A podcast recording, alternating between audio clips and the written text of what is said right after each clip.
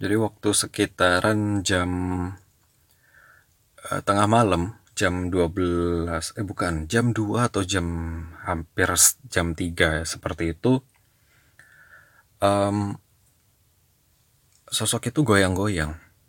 Bentuknya seperti guling uh, karena lurus tapi dibalut kayak kain gitu, bentuknya persis guling. Cuma ada di samping apa ya namanya? Uh, pintu gitu di pinggiran pintu. Di pinggiran pintu di sebelah korden yang nggak kebuka. Jadi kordennya itu uh, dibuka separuh terus dia kayak ngelongok kayak gitu. Maju mundur maju mundur kayak gitu. Dan uh, di situ saya cuma ngintip.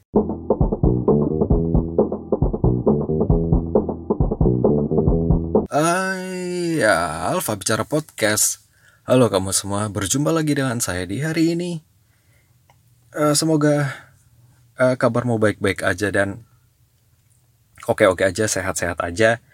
Uh, uh, yang membuat gelisah isu-isu terakhir ini coba kita uh, taruh ke samping sebentar gitu, dikesampingkan sedikit. Kita coba untuk lebih fun dan mencoba untuk membicarakan topik lain selain tentang politik. Karena memang teman-teman kita ini kawan-kawan di Alfa Bicara nggak semuanya mengerti politik dan tertarik untuk membicarakan tentang politik dan kenegaraan gitu. Walaupun sebenarnya sih uh, menurut saya menarik juga tapi ya nggak semua orang suka sih ya karena emang agak ribet dan bikin pusing.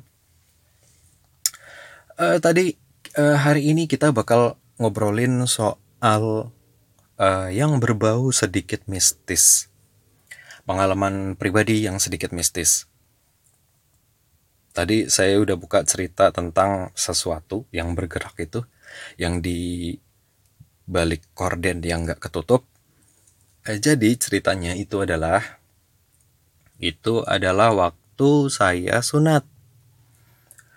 Eh, jadi tradisinya kalau di tempat saya waktu itu eh, anak-anak yang sunat biasanya itu anak-anak yang setelah lulus SD itu kelas 6 SD atau sebelumnya. Dan kebetulan saya sunat itu waktu uh, mau lulus SM eh mau mau lulus SD mau masuk ke SMP Iya setelah lulus SD setelah lulus SD mau ke SMP karena ada jeda tuh ada jeda ada di situ saya disunat. Itu adalah sunat untuk kedua kalinya saya sunat dua kali. Yang pertama itu waktu umur sekitar dua atau tiga tahun. Itu karena uh, karena keadaan ya, bukan karena keinginan orang tua atau sengaja gitu, tapi karena keadaannya uh, gak memungkinkan i, uh, itunya buat buang air kecil uh, terlalu sempit jadi ada semacam kayak kelainan jadi harus diberi lubang beli lubang eh, dipotong sedikit ujungnya biar bisa buang air kecil. Tapi karena waktu itu waktu di Jakarta itu saya kecil di Jakarta waktu di sana saya dioperasi di rumah sakit Kristen yang sepertinya nggak tahu ya nggak tahu tata cara yang nyunatnya itu nggak tahu tata cara nyunat uh, secara Islam atau secara yang biasanya gitu jadi cuma sesuai dengan kebutuhannya aja, di ujungnya aja yang dipotong. Dan masih sisa, sehingga pas kelas 6 SD itu saya harus sunat lagi. Ah, biar lebih santai dan enak, mungkin kamu bisa uh, ambil minuman atau makanan ringan, cemilan gitu. Dan ini uh, ada beberapa cerita ya. Nanti juga saya bakal bacain beberapa email dari kawan-kawan udah ada beberapa yang masuk dan sengaja saya catat biar nggak lupa karena saya pelupa. Oke langsung ini adalah cerita pertama yaitu cerita uh, sosok seperti guling di depan pintu. Itu judulnya. Jadi tadi saya buka hmm, sosok itu ada di depan pintu dan kejadiannya adalah ketika hari di mana saya dihitan disunat. Sorry jadi sebelum dihitan, uh, sebelum hari H, Hamin satu, uh, saya sama teman-teman saya kayak karena di sini punya adat buat keliling ke keluarga ke keluarga yang lebih tua gitu seperti paman bibi uh, embah eyang. Itu buat seperti minta izin atau restu gitu. Saya mau disunat gitu bilang seperti itu. Biasanya nanti dapat ini dapat duit atau gimana lah gitu jadi setelah seperti itu kumpul dan uh, ke rumah masing-masing satu persatu udah tuh. Uh, dan di pas hari hanya kebetulan kan lagi libur sekolah juga dan teman-teman masih sering main bareng kalau di sini tuh ada adat yang namanya atau bukan adat ya, kebiasaan yang tidak tertulis dan sebenarnya nggak wajib juga yaitu kebiasaan buat berendam di kali. Katanya itu tujuannya buat memperlunak kulit. memperlunak kulit biar gampang dipotongnya gitu katanya. Tapi kan pakai pisau ya. kulit macam apa yang harus direndam dulu gitu biar bisa dipotong katanya buat itu ngerendam kulit itu di kali taman namanya di tempat saya. Kali itu ada di salah satu dusun di desa saya dan tempatnya agak lumayan uh, gunung lah. Agak naik ke atas dan di sana banyak macam-macam cerita ininya lah cerita mitos-mitos yang berkembang di sana ada di situ. Berendam itu sekitar 45 menit sampai satu jam tapi nggak benar-benar berendam ya kayak mandi-mandi biasa aja sama teman-teman. Di situ belum ada kejadian apa-apa dan eh, ngerasanya bukan ya belum aneh-aneh waktu waktu sekolah. Waktu anak iya seusia kita waktu sekolah ya nggak mikir aneh-aneh kan. Ada mungkin yang bisa melihat eh, sosok-sosok uh, makhluk halus tapi nggak nggak semuanya kan. Dan di situ ya juga belum belum ada apa-apa dan ketika udah selesai mandi nih udah beberes lalu jalan lagi pulang. Waktu itu kita jalan kaki. Jalan kaki ngelewatinnya sawah.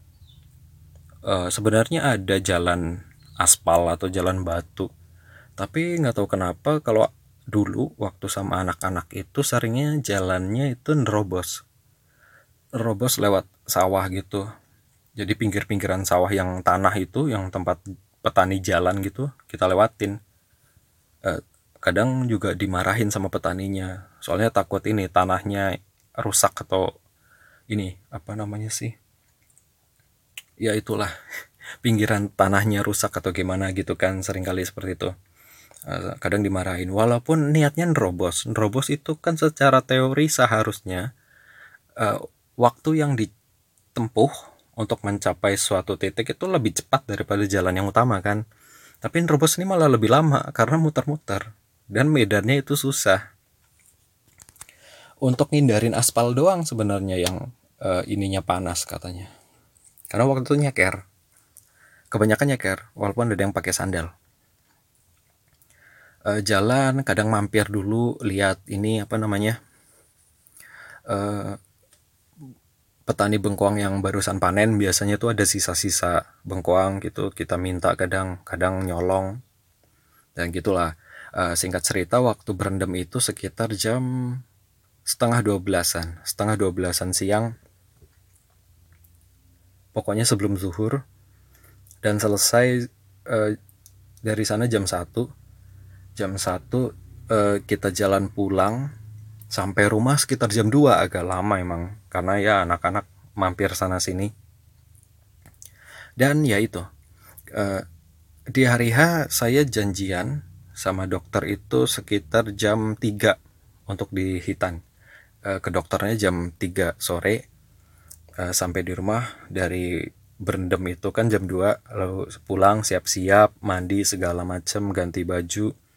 Lalu uh, ibuku juga nyediain semacam apa ya buat uh, kuat jamu kuat atau gitu.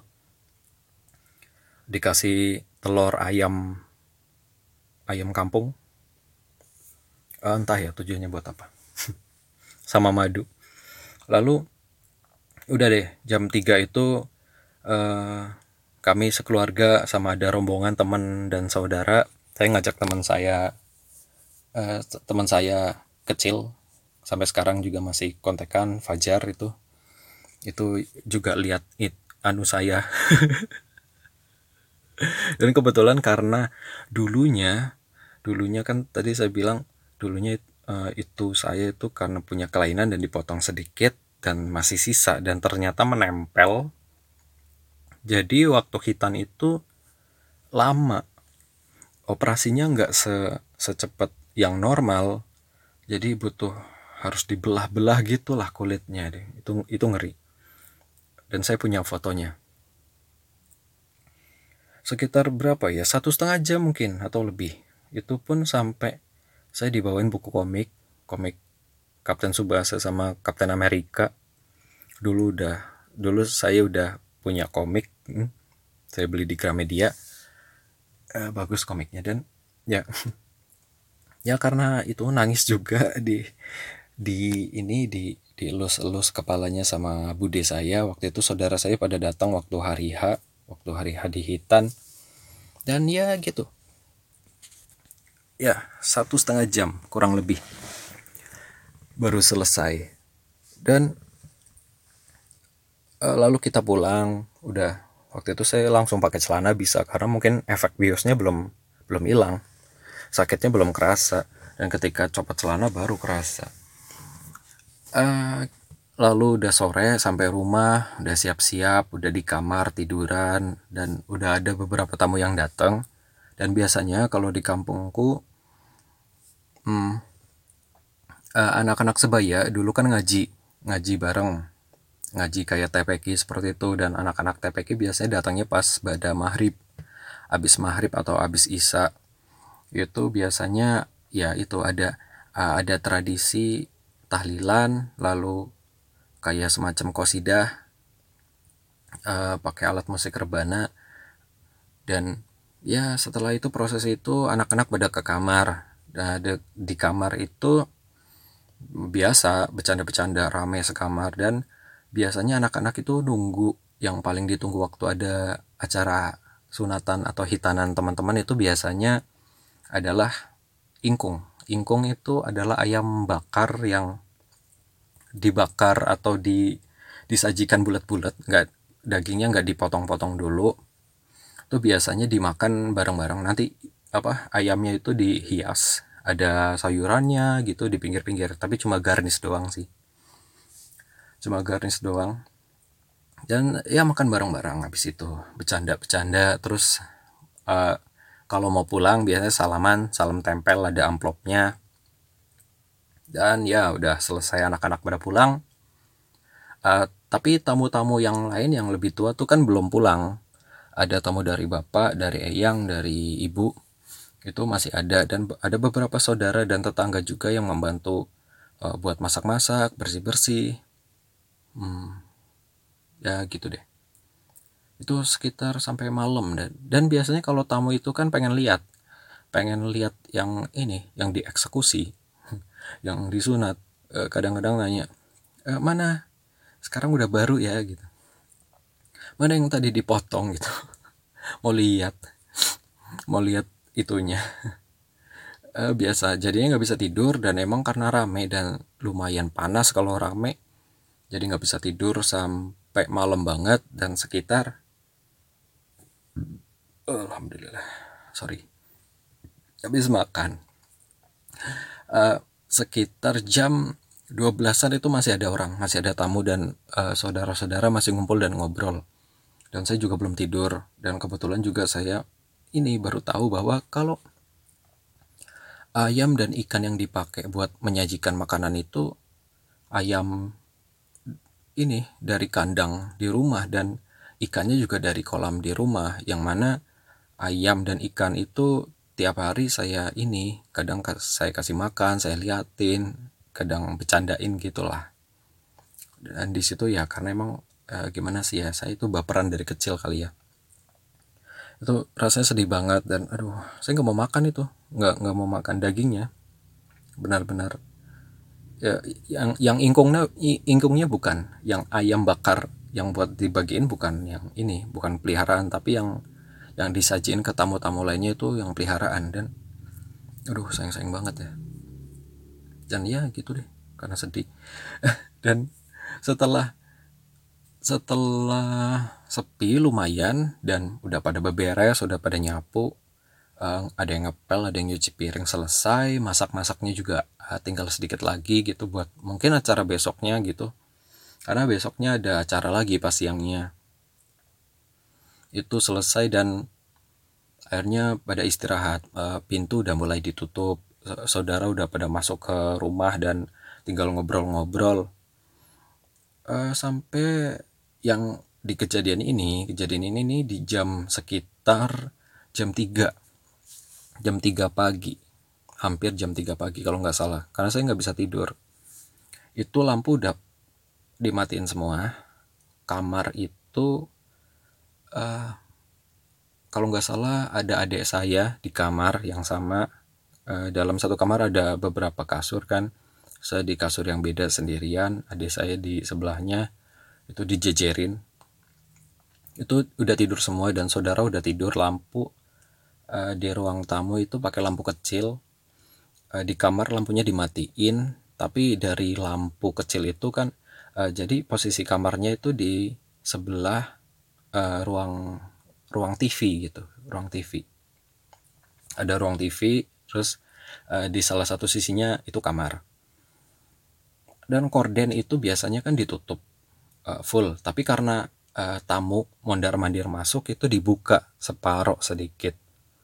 Dan uh, di situ karena nggak bisa tidur masih meremelek hmm, nggak ada HP ya belum belum punya HP uh, sedikit kayak ngelamun atau uh, ngawang-ngawang gitu karena tengah malam sambil ngerasain uh, mulai sakit atau perihnya itu lagi meluk guling dan uh, kok ada yang gerak? gitu. Saya kira ada yang belum tidur kan. Ada ada yang gerak kordennya. Kordennya itu gerak dan uh, saya lihat lagi saya dek, agak agak uh, ngangkat kepala sedikit buat uh, ngejelasin penglihatan gitu tuh apaan sih? gitu. Uh, bukan orang tapi kayak guling tapi di berdiriin gitu tau nggak? Kayak di sisi pintu uh, disenderin guling seperti itu dan bentuknya emang kayak guling beneran. Dan uh, guling itu nggak diem tapi pas di ujung di atasnya itu gerak kayak nongok. Dan di ujung gulingnya itu itu ada kuncungnya atau kayak ikatan itunya. Ada ikatan yang itulah pocong seperti itu. Di, kayak bagian kepala seperti itu. Itu ada seperti itunya dan ngelongok nggak kelihatan uh, bentuk wajahnya seperti apa ya. Cuma gerak seperti itu. Goyang goyang goyang goyang. Naik turun naik turun. Pelan gitu. Nggak nggak yang frontal cepat gitu. Tapi goyang pelan pelan pelan pelan pelan. Diem. Lo karena saya takut saya agak nutupin muka pakai guling. Tapi masih sedikit ngeliat uh, mata sebelahnya masih ngeliat. Dan masih goyang goyang goyang goyang goyang lagi dan karena udah udah nggak kuat ya mungkin waktu itu takut uh, merem aja merem sekitar berapa menit. Tapi karena belum tidur dan biasanya waktu itu saya kalau takut atau lampu dimatiin full nggak ada cahaya sama sekali saya hawanya itu pengap. Hawanya kayak jadi nggak bisa napas dan panas seperti itu. Akhirnya uh, setelah beberapa menit saya buka lagi dan nggak ada di korden itu hilang. Nggak ada kayak guling lagi nggak ada yang gerak lagi. Dan ya setelah saya lihat hilang udah saya merem. Saya mau merem aja. Saya nggak mau lihat lagi. Nggak mau lihat lagi. Dan besok besok harinya saya cerita sama orang tua dan ah mungkin bayangan kamu aja kali gitu katanya. Ah jangan macem-macem deh gitu waktu itu saya menyimpulkan ya entah dari mana gimana menyimpulkannya itu oh mungkin uh, ada sesuatu yang mau datang gitu atau nyiapin apa ya ngucapin selamat atau gimana gitu kali ya. Dari uh, apa ya ininya leluhur atau apa gimana gitu. Mungkin. Tapi ada yang percaya saya cerita ceritain seperti itu dan setelah itu uh, sampai SMA mungkin SMP SMA nggak ada lagi cerita uh, mistis. Saya nggak lihat apa-apa lagi. Dan itu SD kelas 6 ya. Dan ada cerita lagi. Waktu SD kelas 2 2 atau 3 kalau nggak salah. Dan itu di Riau bukan di Jawa. Jadi mungkin teman-teman saya yang uh, satu SD di air tiris itu di Kampar. SD Impres 047 atau apa ya itu. Uh, kalau kamu uh, teman-teman SD saya di air tiris dengerin. Hmm, halo say hi. Semoga sehat-sehat. Semoga Waang sehat-sehat gitu. Gimana saya lupa bahasanya. Jadi waktu itu sekitar kelas berapa ya? Dua atau tiga itu jadi gini ceritanya ini pesan moralnya nanti saya kasih di belakang eh, di akhir cerita. Jadi ceritanya waktu itu uh, istirahat, istirahat. Jam istirahat saya makan biasanya anak-anak tuh makan uh, bay ngambil di kantin, bayar kayak di warung gitu ada ibu kantinnya lalu makannya itu di pojokan kalau nggak di belakang kelas itu mundur lagi ke kebun kebun yang mau uh, jalan ke sawah gitu tapi kanan kirinya ada gundukan tanahnya seperti itu. Dan biasanya makan di situ habis makan buang air kecilnya juga di situ biasanya. Anak-anak uh, laki ini kadang sembarangan ya. Uh, kadang di situ buang air kecil di situ. Saya juga waktu waktu hari kejadian itu juga kebetulan buang air di situ. Buang air kecil ya pipis pipis di situ uh, setelah habis makan ngobrol dan pipis lalu langsung balik ke kelas. Dan itu masih belum masuk gurunya. Uh, sorry. Itu jadi kayaknya kejadiannya instan banget sih kalau nggak salah. Kalau nggak salah ingat saya. Alhamdulillah. Jadi uh, habis makan pipis lalu ke kelas saya sendirian teman-teman ada yang main ke ini ke temannya yang lain ada yang masih makan ada yang masih nongkrong. Dan waktu di Riau juga temanku nggak banyak. Ada beberapa aja yang akrab dan ya waktu itu ke kelas sendirian dan duduk duduk di uh, di kalau deret. Satu kelas tuh ada empat deret dan saya deret nomor dua dari pintu dan posisinya di tengah-tengah nggak belak nggak yang paling belakang nggak yang paling depan jadi di tengah-tengah. Dan uh, ketika saya duduk di belakang saya kosong tapi di belakangnya lagi itu ada anak.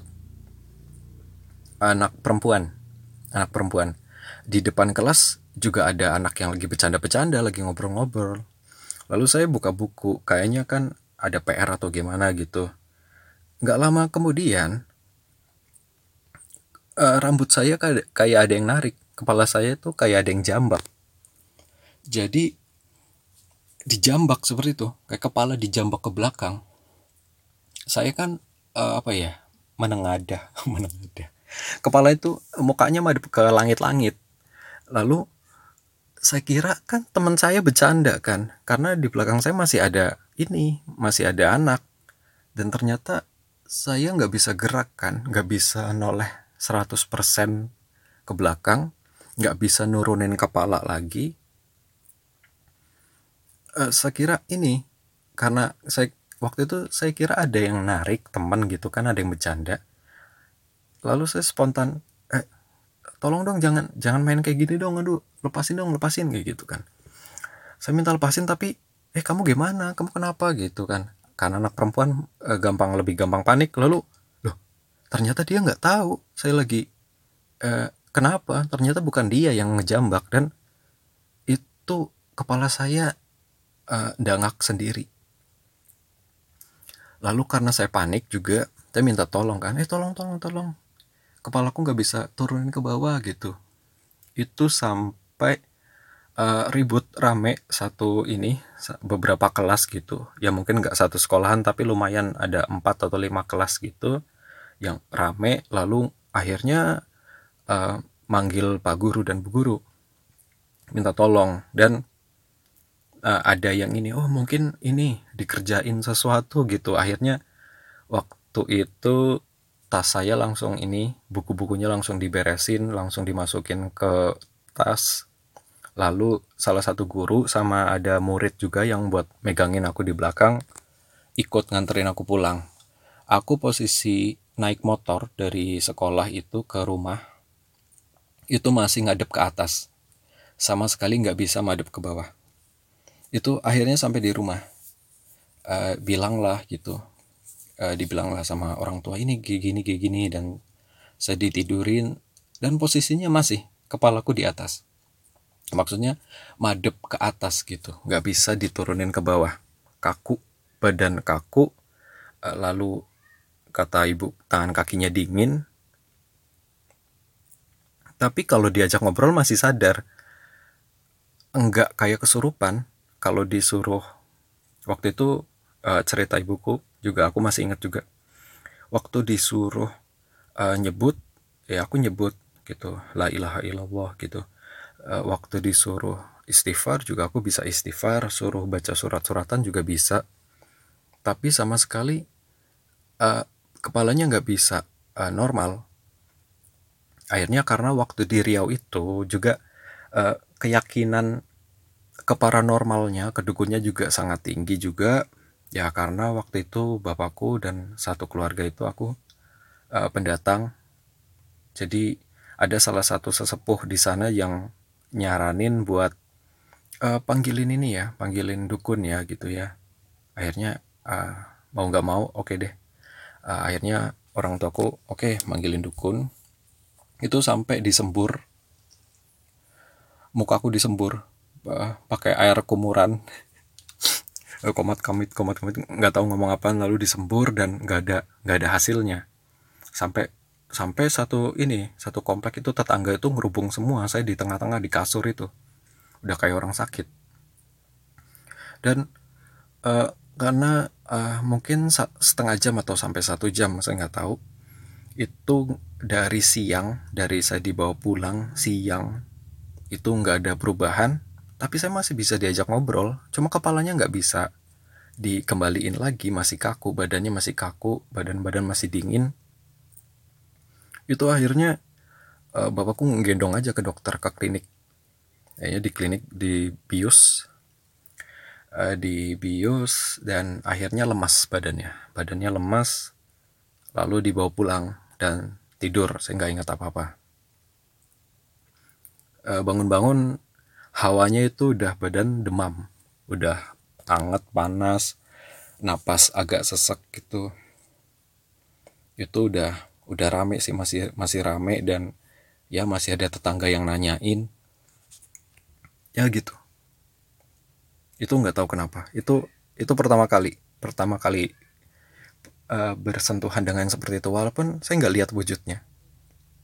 Itu spontan aja gitu seperti itu. Dan uh, ininya pesan moralnya adalah jangan buang air sembarangan. Uh, jangan buang air sembarangan. Karena tempat itu pasti ada yang nunggu. Dan biasanya ya ya emang harus permisi gitu apalagi di daerah yang masih banyak uh, apa ya namanya kayak semak-semak atau di daerah-daerah gitu biasanya ya agak galak juga sih yang berbau halus seperti itu. Dan itu ya itu itu. Itu salah satunya. Dan ini udah udah dua cerita tapi hampir setengah jam ya. Kalau yang benar-benar pengalaman yang di uh, tam uh, setannya itu nampak itu ya paling pas sunat doang sih pas sunat doang kalau di pas SMA kayaknya nggak ada di SMA aman nggak ada itu sampai SMA nggak ada uh, ada lagi ini pas kuliah.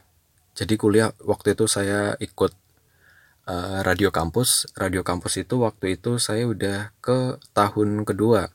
Jadi ada acara rekrutmen rekrutmen anggota baru, kru baru, dan di situ ada uh, di kampus ada tempatnya jadi ada spot-spot ada pos-posnya sendiri. Jadi pos satu yang misalnya wawancara atau tes apa gitu di ruang A. Lalu yang lainnya nanti di sebelahnya ruang B atau di atas gitu. Dan saya sebagai panitia sebagai panitia sering mondar mandir ngurusin ini itu dan standby kalau disuruh apa-apa gitu sama senior dan kejadiannya adalah di uh, salah satu gedung di kampus saya di UNES itu gedung C1 yang uh, terkenal memang agak angker. Kamu bisa cari uh, video di YouTube atau di artikel mungkin atau tanya deh anak-anak UNES yang sepuh. Yang udah sepuh uh, C1 angkernya seberapa sih gitu. Soalnya banyak cerita banyak cerita yang uh, bertebaran sesama di kalangan civitas akademika gitu.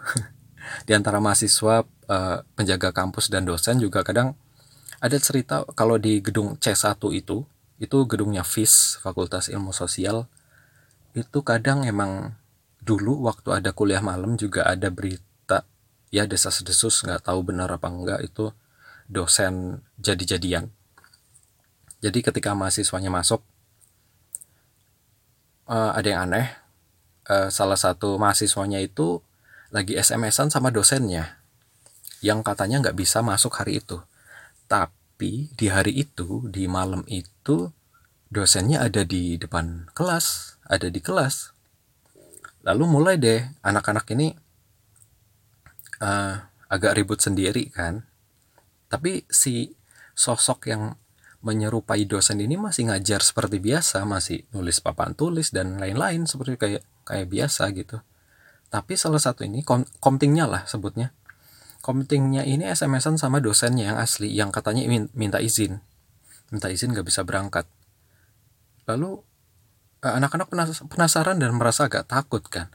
Lalu salah satu ada yang ngelihat ke uh, lantai uh, mau ngecek apakah kakinya ada apa enggak gitu.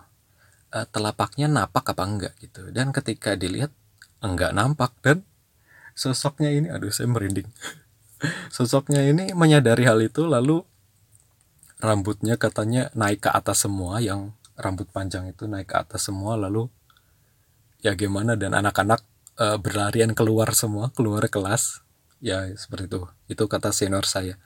Uh, itu cerita dari senior saya yang saya alami langsung itu waktu hari itu rekrutmen kru baru di radio kampus saya. Itu uh, uh, di C1 kebetulan di luarnya itu buat uh, ada posnya lah dan saya mau menuju ke pos uh, selanjutnya. Sebut aja pos B gitu yang uh, ada di gedung sebelah yang berdekatan. Nggak nggak jauh sih tapi ada di lantai tiga atau dua gitu ketika saya jalan saya iseng. Iseng aja ngelongok ruangan yang ditutup uh, perpustakaan atau apa kalau nggak salah itu. Itu ruangannya ditutup karena nggak ada orang kan. Itu waktu itu saya berdua sama teman saya tapi lupa siapa. Lagi jalan saya iseng kan eh, sambil ngobrol lalu ngelongok ke uh, pintu. Pintunya kan atasnya itu kaca. Itu kacanya uh, ada ini ada tralisnya tapi di dalam tapi masih di, bisa dilihat masih bisa dilihat dan saya ngelongok kan uh, deketin wajah sambil tangannya nutupin kanan kiri gitu kan uh, biar memperjelas penglihatan nggak kehalang uh, bayangan cahaya apa apa gitu kan. Tiba-tiba pintu itu uh, apa ya jebrak itu gimana? Kayak ada yang nendang dari dalam. Soalnya uh, lontarannya apa ya gimana? Uh, ya gimana sih kalau pintu itu dari dalam didobrak gitu kan pasti uh, mental ininya keluar ke arah ke arah saya yang ngintip kan. Itu tiba-tiba jedar seperti itu. Kaget saya itu astagfirullah. Lalu saya ngeliat teman saya eh jangan main-main jangan nendang-nendang pintu nanti pintunya rusak gitu kan. Saya bilang aku nggak nendang bos aku nggak nendang des gitu. Dia bilang serius? Ini ada yang nendang. Terus aku ngelongok lagi aku mau ngelongok lagi tapi udah ditarik duluan sama temanku. Udah udah udah biarin. Itu paling iseng gitu. Itu karena kalau kalaupun itu pintunya ditendang itu pasti nggak jendal ke luar ke arah luar ininya pintunya. Nggak uh, kedobrak ke arah luar gitu kayak kebuka gitu. Tapi kan paling ke dalam tapi bunyi jeder gitu doang. Tapi nggak sampai mantul lagi. Ini kayak ditendang bener-bener dari dalam. Padahal posisi itu hari minggu kalau nggak salah. Dan perkuliahan itu uh, non aktif ya karena libur. Nggak ada satupun orang di ruangan itu. Gemboknya juga aku lihat masih kekunci. Ruangan itu kosong. Nah itu. Itu salah satunya di pengalaman waktu di kampus. Um, oke. Okay. lalu uh, satu lagi nih. Satu lagi. Yaitu waktu ngapel. Ngapel biasanya kan malam minggu kan bukan malam jumat. Itu ngapel. Uh, jadi uh, ceritanya ini singkat sih dan nggak terlalu nakutin cuma agak gimana gitu jadi waktu ngapel itu malam minggu biasanya aku berangkat abis maghrib abis sholat maghrib sekitar setengah tujuh. Terus datang mau ngapel ke rumah pacar dan uh, di jalan gak ada apa-apa. Jalan normal kayak biasa tapi emang gelap gitu. Ya iyalah malam. Lalu ketika uh, sampai di depan perumahan mau masuk ke perumahan itu aku uh, dari kejauhan ada yang naik motor juga uh, papasan. Naik motor juga aku mau masuk dia mau mau keluar ke mau keluar perumahan gitu. Uh, dan sepenglihatan saya itu motornya adiknya pacar saya kan waktu itu. Itu motornya dan adiknya perawakannya juga uh, gemuk-gemuk seperti itu juga kan. Sama juga lalu uh, helmnya juga. Dan kalau nggak kenal biasanya saya nggak senyum eh, uh, nggak nggak nyapa gitu kan. Tapi dia nyapa duluan dan saya lihat juga dari wajahnya kan helman tapi emang agak bias. Dari wajahnya juga wajahnya adik pacar saya waktu itu. Jadi saya oke okay, gitu mau ke mana? gitu saya tanya tapi dia nggak jawab sambil ngelakson. Eh, nggak uh, lama lalu saya sampai sampai ke rumahnya dan akhirnya ketemu ketemu orang tuanya ketemu dianya dan yang saya kaget itu ketemu adiknya adiknya keluar turun ke bawah kan. Keluar rumah. Loh saya kaget. Loh loh bukannya kamu tadi pergi ya gitu? Enggak enggak kok mas gitu. Loh, tadi yang ketemu sama siapa? Langsung deh aduh. Ah gitu deh langsung aduh siapa tadi?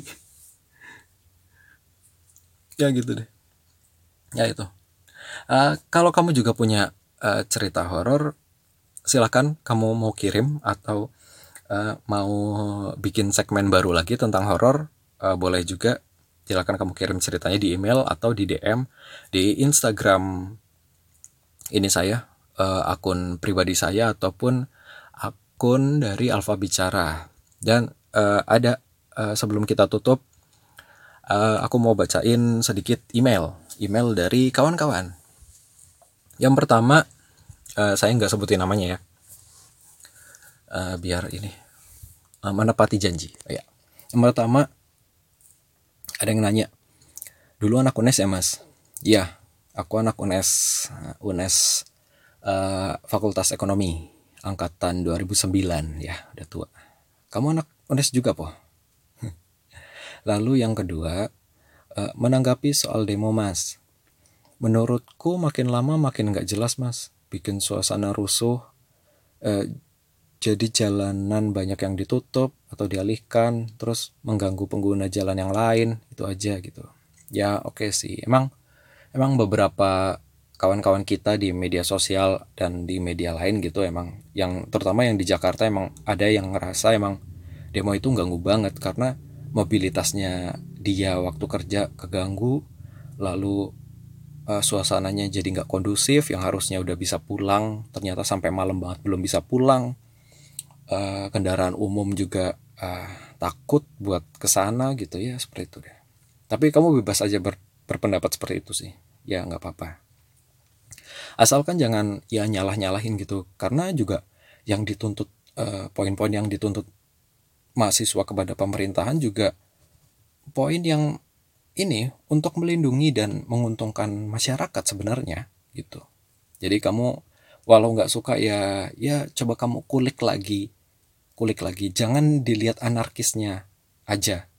Walaupun memang anarkis dan anarkis itu yang nggak sebenarnya nggak kita pengenin tapi uh, coba dilihat dulu. Dan memang kalau di lapangan kondisinya panas emosi dan sedikit gesekan itu banyak teriakan yang entah dari mana muaranya gitu itu bisa bikin amarah memuncak.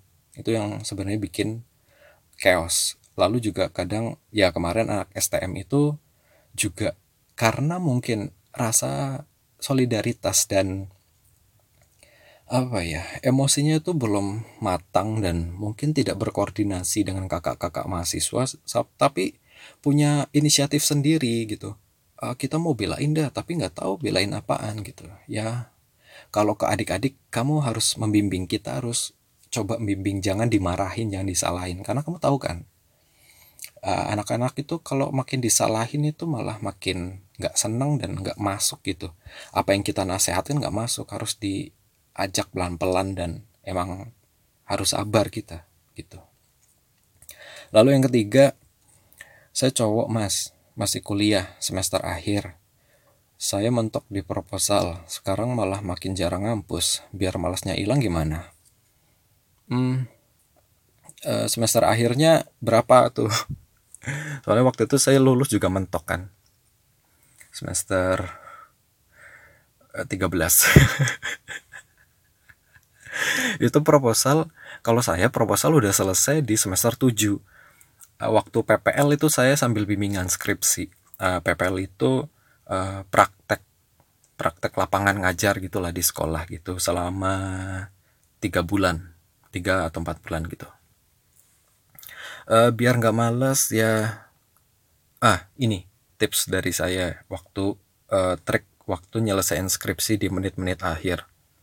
Waktu itu saya jujur males dan emang udah ada tekanan dari macam-macam kan dari keluarga dari teman-teman yang udah kerja udah lulus dari adik kelas dari pacar mantan pacar dan teman-teman dekat gitu. Tapi emang saya sayanya ya hilang semangat kayak kamu juga. Mungkin ya waktu itu juga ketambahan saya putus dan uh, drop banget mentalnya. Lalu saya bingung harus mulai dari mana lagi gitu. Uh, mungkin sebelum kamu kadung males banget kamu itu uh, ke kampus aja deh. Kalau walaupun nggak bimbingan walaupun nggak bimbingan nggak niat bimbingan tapi coba deh ke kampus aja karena di kampus itu kamu nanti ketemu teman-teman kamu ketemu informasi yang mungkin kamu bakal butuh terus mungkin juga ketemu dosen kamu nanti kamu juga bisa kalau nggak berani langsung ketemu dosen kamu. Ya dosen yang kamu anggap uh, enak lah. Uh, kepenak buat ini enak buat uh, diajak berbagi sharing atau curhat gitu yang berhubungan sama kesulitan kamu di skripsi kamu bisa cerita ke beliau. Ya pokoknya walaupun kamu nggak niat buat uh, bimbingan hari itu atau revisian kamu belum kelar tapi kamu ngampus aja. Ketemu sama teman-teman ketemu sama uh, ibu kantin ibu koperasi atau uh, tukang parkir atau siapa gitu. Nanti dengan sendirinya kamu selain dapat informasi itu ya nanti dengan sendirinya kamu bakal termotivasi gitu energi kamu buat ngerjain skripsi itu bakal naik lagi.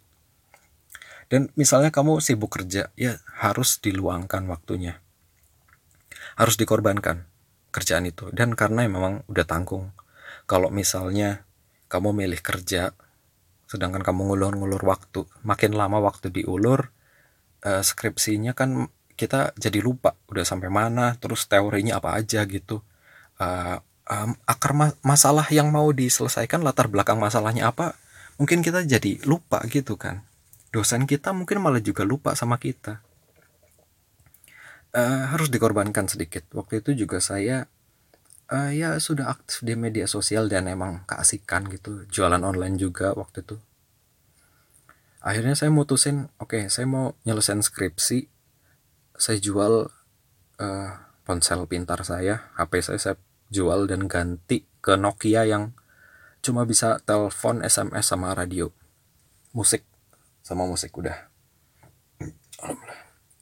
Dan alhamdulillahnya karena ya saya waktu itu juga walaupun revisian belum kelar tapi um, ke kampus terus akhirnya ya uh, nggarap ngerjain ngerjain dan nggak terdistraksi oleh sosmed uh, dunia yang ini seharusnya saya tinggalin dulu gitu nggak terdistraksi. Ini saya fokus dan ya alhamdulillah karena kebaikan banyak pihak dosen-dosen dan teman-teman gitu akhirnya saya lulus. Ya gitu. Semangat dan jangan jangan nggak ngampus. Walaupun nggak bimbingan ngampus aja deh main aja. Kalaupun temanmu nggak ada ya nggak apa-apa. Waktu itu saya temannya udah udah hilang semua rata-rata. Ya saya gaul sama adik adik kelas ya nggak apa-apa lalu yang keempat saya cowok 22 tahun udah kerja mau cerita mas saya lagi deket sama teman kerja saya tapi dia udah punya pacar kami nyaman banget ngobrolnya nyambung Kira-kira salah nggak kalau mau ngelanjutin hubungan ini? Makasih. Ya, eh, kamu pikir sendiri aja. Kamu bisa tahu jawabannya kok. Salah apa enggak. Kalau saran saya sih ya cari yang uh, bukan uh, mulai sesuatu dengan yang baik, dengan cara yang baik itu pasti akan berujung kebaikan gitu. Kalau memulai sesuatu dengan cara yang kurang baik pasti itu akhir-akhirnya ujung-ujungnya itu nggak baik gitu aja. Uh, tahu nggak gitu? Ya gitulah. Kamu tahu lah jawabannya tanpa harus tanya. Dan harus tegas ya kamu laki-laki. Yang kelima mas dulu anak band ya saya juga punya band mas. Mau nanya biar band kompak gimana? Mas kan udah punya lagu nih. Sama caranya bikin lagu gimana sih? Thanks. Biar band kompak ya waktu bikin band kamu harus nyambung. Uh, kalau menurutku ya aku bukan expert banget di band karena bandku juga nggak gede-gede amat. Band kampus doang dan uh, prestasi tertinggi juga waktu di TVRI doang itu ikut kompetisi dan ya setelah itu cuma di acara komunitas. Uh, teman-teman komunitasku masih banyak yang lebih yoi masih banyak yang lebih oke okay dan rapi mainnya dibanding aku dan bandku. Dan dalam band juga aku yang paling nggak bisa ngapa-ngapain sebenarnya. Cuma bisa teriak-teriak sama nulis lirik gitu aja sih kayaknya. Yang main musik anak-anak uh, gimana caranya kompak ya? Mungkin mil kalau menurutku uh, milih teman main personil itu biasanya mirip-mirip kayak nyari pacar ya. Jadi harus bisa cocok TikTok dan nyaman satu sama lain buat berbagi. Kayak nyari pacar lah seperti itulah. Kamu serak sama orang yang gimana waktu nyari pacar gitu? Ya seperti itu. Kalau kamu ngerasa cocok udah nyaman walaupun kamu nggak bisa nyeritain uh, nyamannya gimana ya itu ya gitu. Berarti dia cocok. Dan yang kedua adalah visi misi komitmenmu harus sama sama teman-temanmu. Misalnya kamu pengen bikin lagu sendiri lalu pengen manggung dengan lagu sendiri. Ya teman-temannya teman-temanmu juga harus seperti itu gitu. Jangan sampai kamu doang yang pengen. Uh, sedangkan teman-temanmu ada yang nggak semangat gitu. Berarti itu udah salah udah ada satu yang goyah uh, lalu sama caranya bikin lagu. Uh, kamu bisa main gitar nggak? Kalau nggak bisa bisa humming nggak? Hmm, hmm, hmm, seperti itu. Uh, saya nggak bisa main gitar. Uh, bisa pun karena kunci tertentu dan lagu sendiri doang. Dan saya nggak tahu nama kuncinya apa.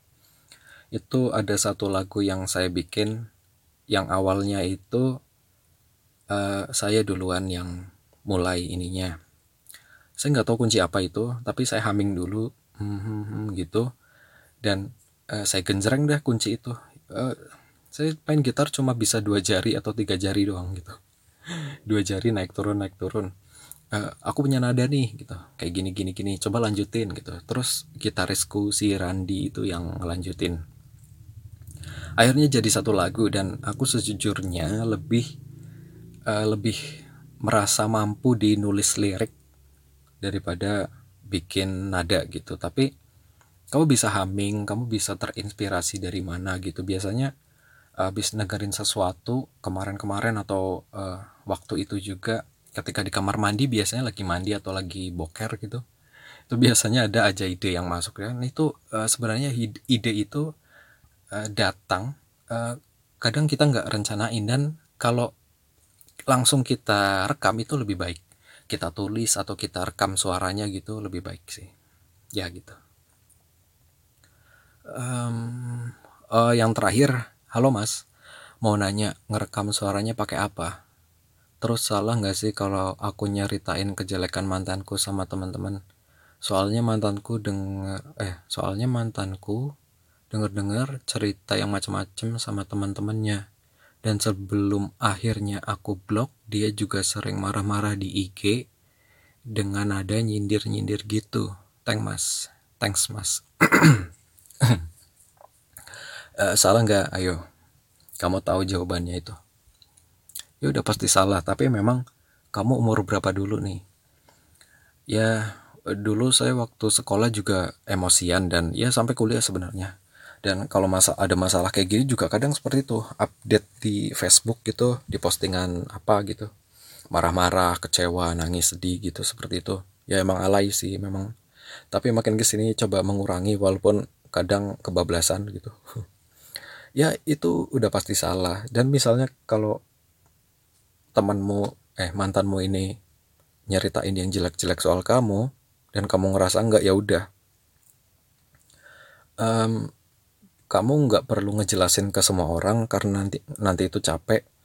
Dan kamu juga nggak perlu membalas kejelekan itu karena saya yakin dia marah karena masih ada yang pengen dia sambung gitu. Dia mungkin nggak kepengen putus cuma caranya nyari perhatian ke kamu itu dengan marah-marah.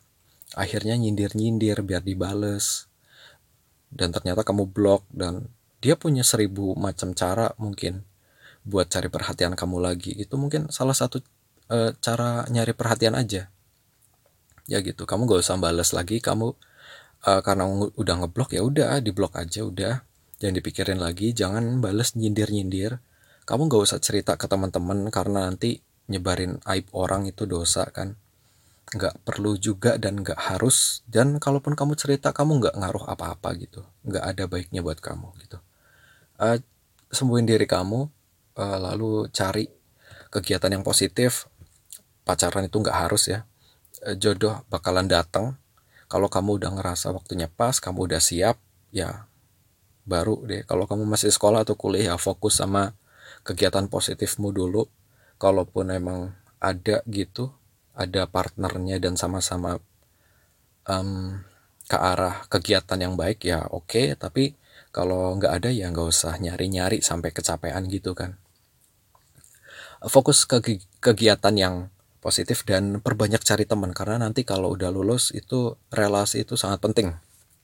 Dan dah selesai uh, itu ada enam pertanyaan dan sudah saya jawab. Dan ya udah karena udah hampir satu jam terima kasih buat kamu yang sudah mendengarkan. Dan maaf kalau ada salah-salah kata cerita kamu masih saya tunggu di alfa bicara podcast at gmail.com silahkan kamu subscribe juga di channel youtube-nya uh, nanti kalau udah 1000 subscriber saya ada giveaway dan silakan kamu DM cerita kamu atau tanggapan kamu atau ya gitu pendapat kamu tentang apa yang saya sudah bagikan di uh, Insta Story yang akan saya bacain di episode minggu depan. Uh, terima kasih, sampai berjumpa di episode selanjutnya. Alfa Bicara Podcast, signing out. Bye-bye. Bye-bye.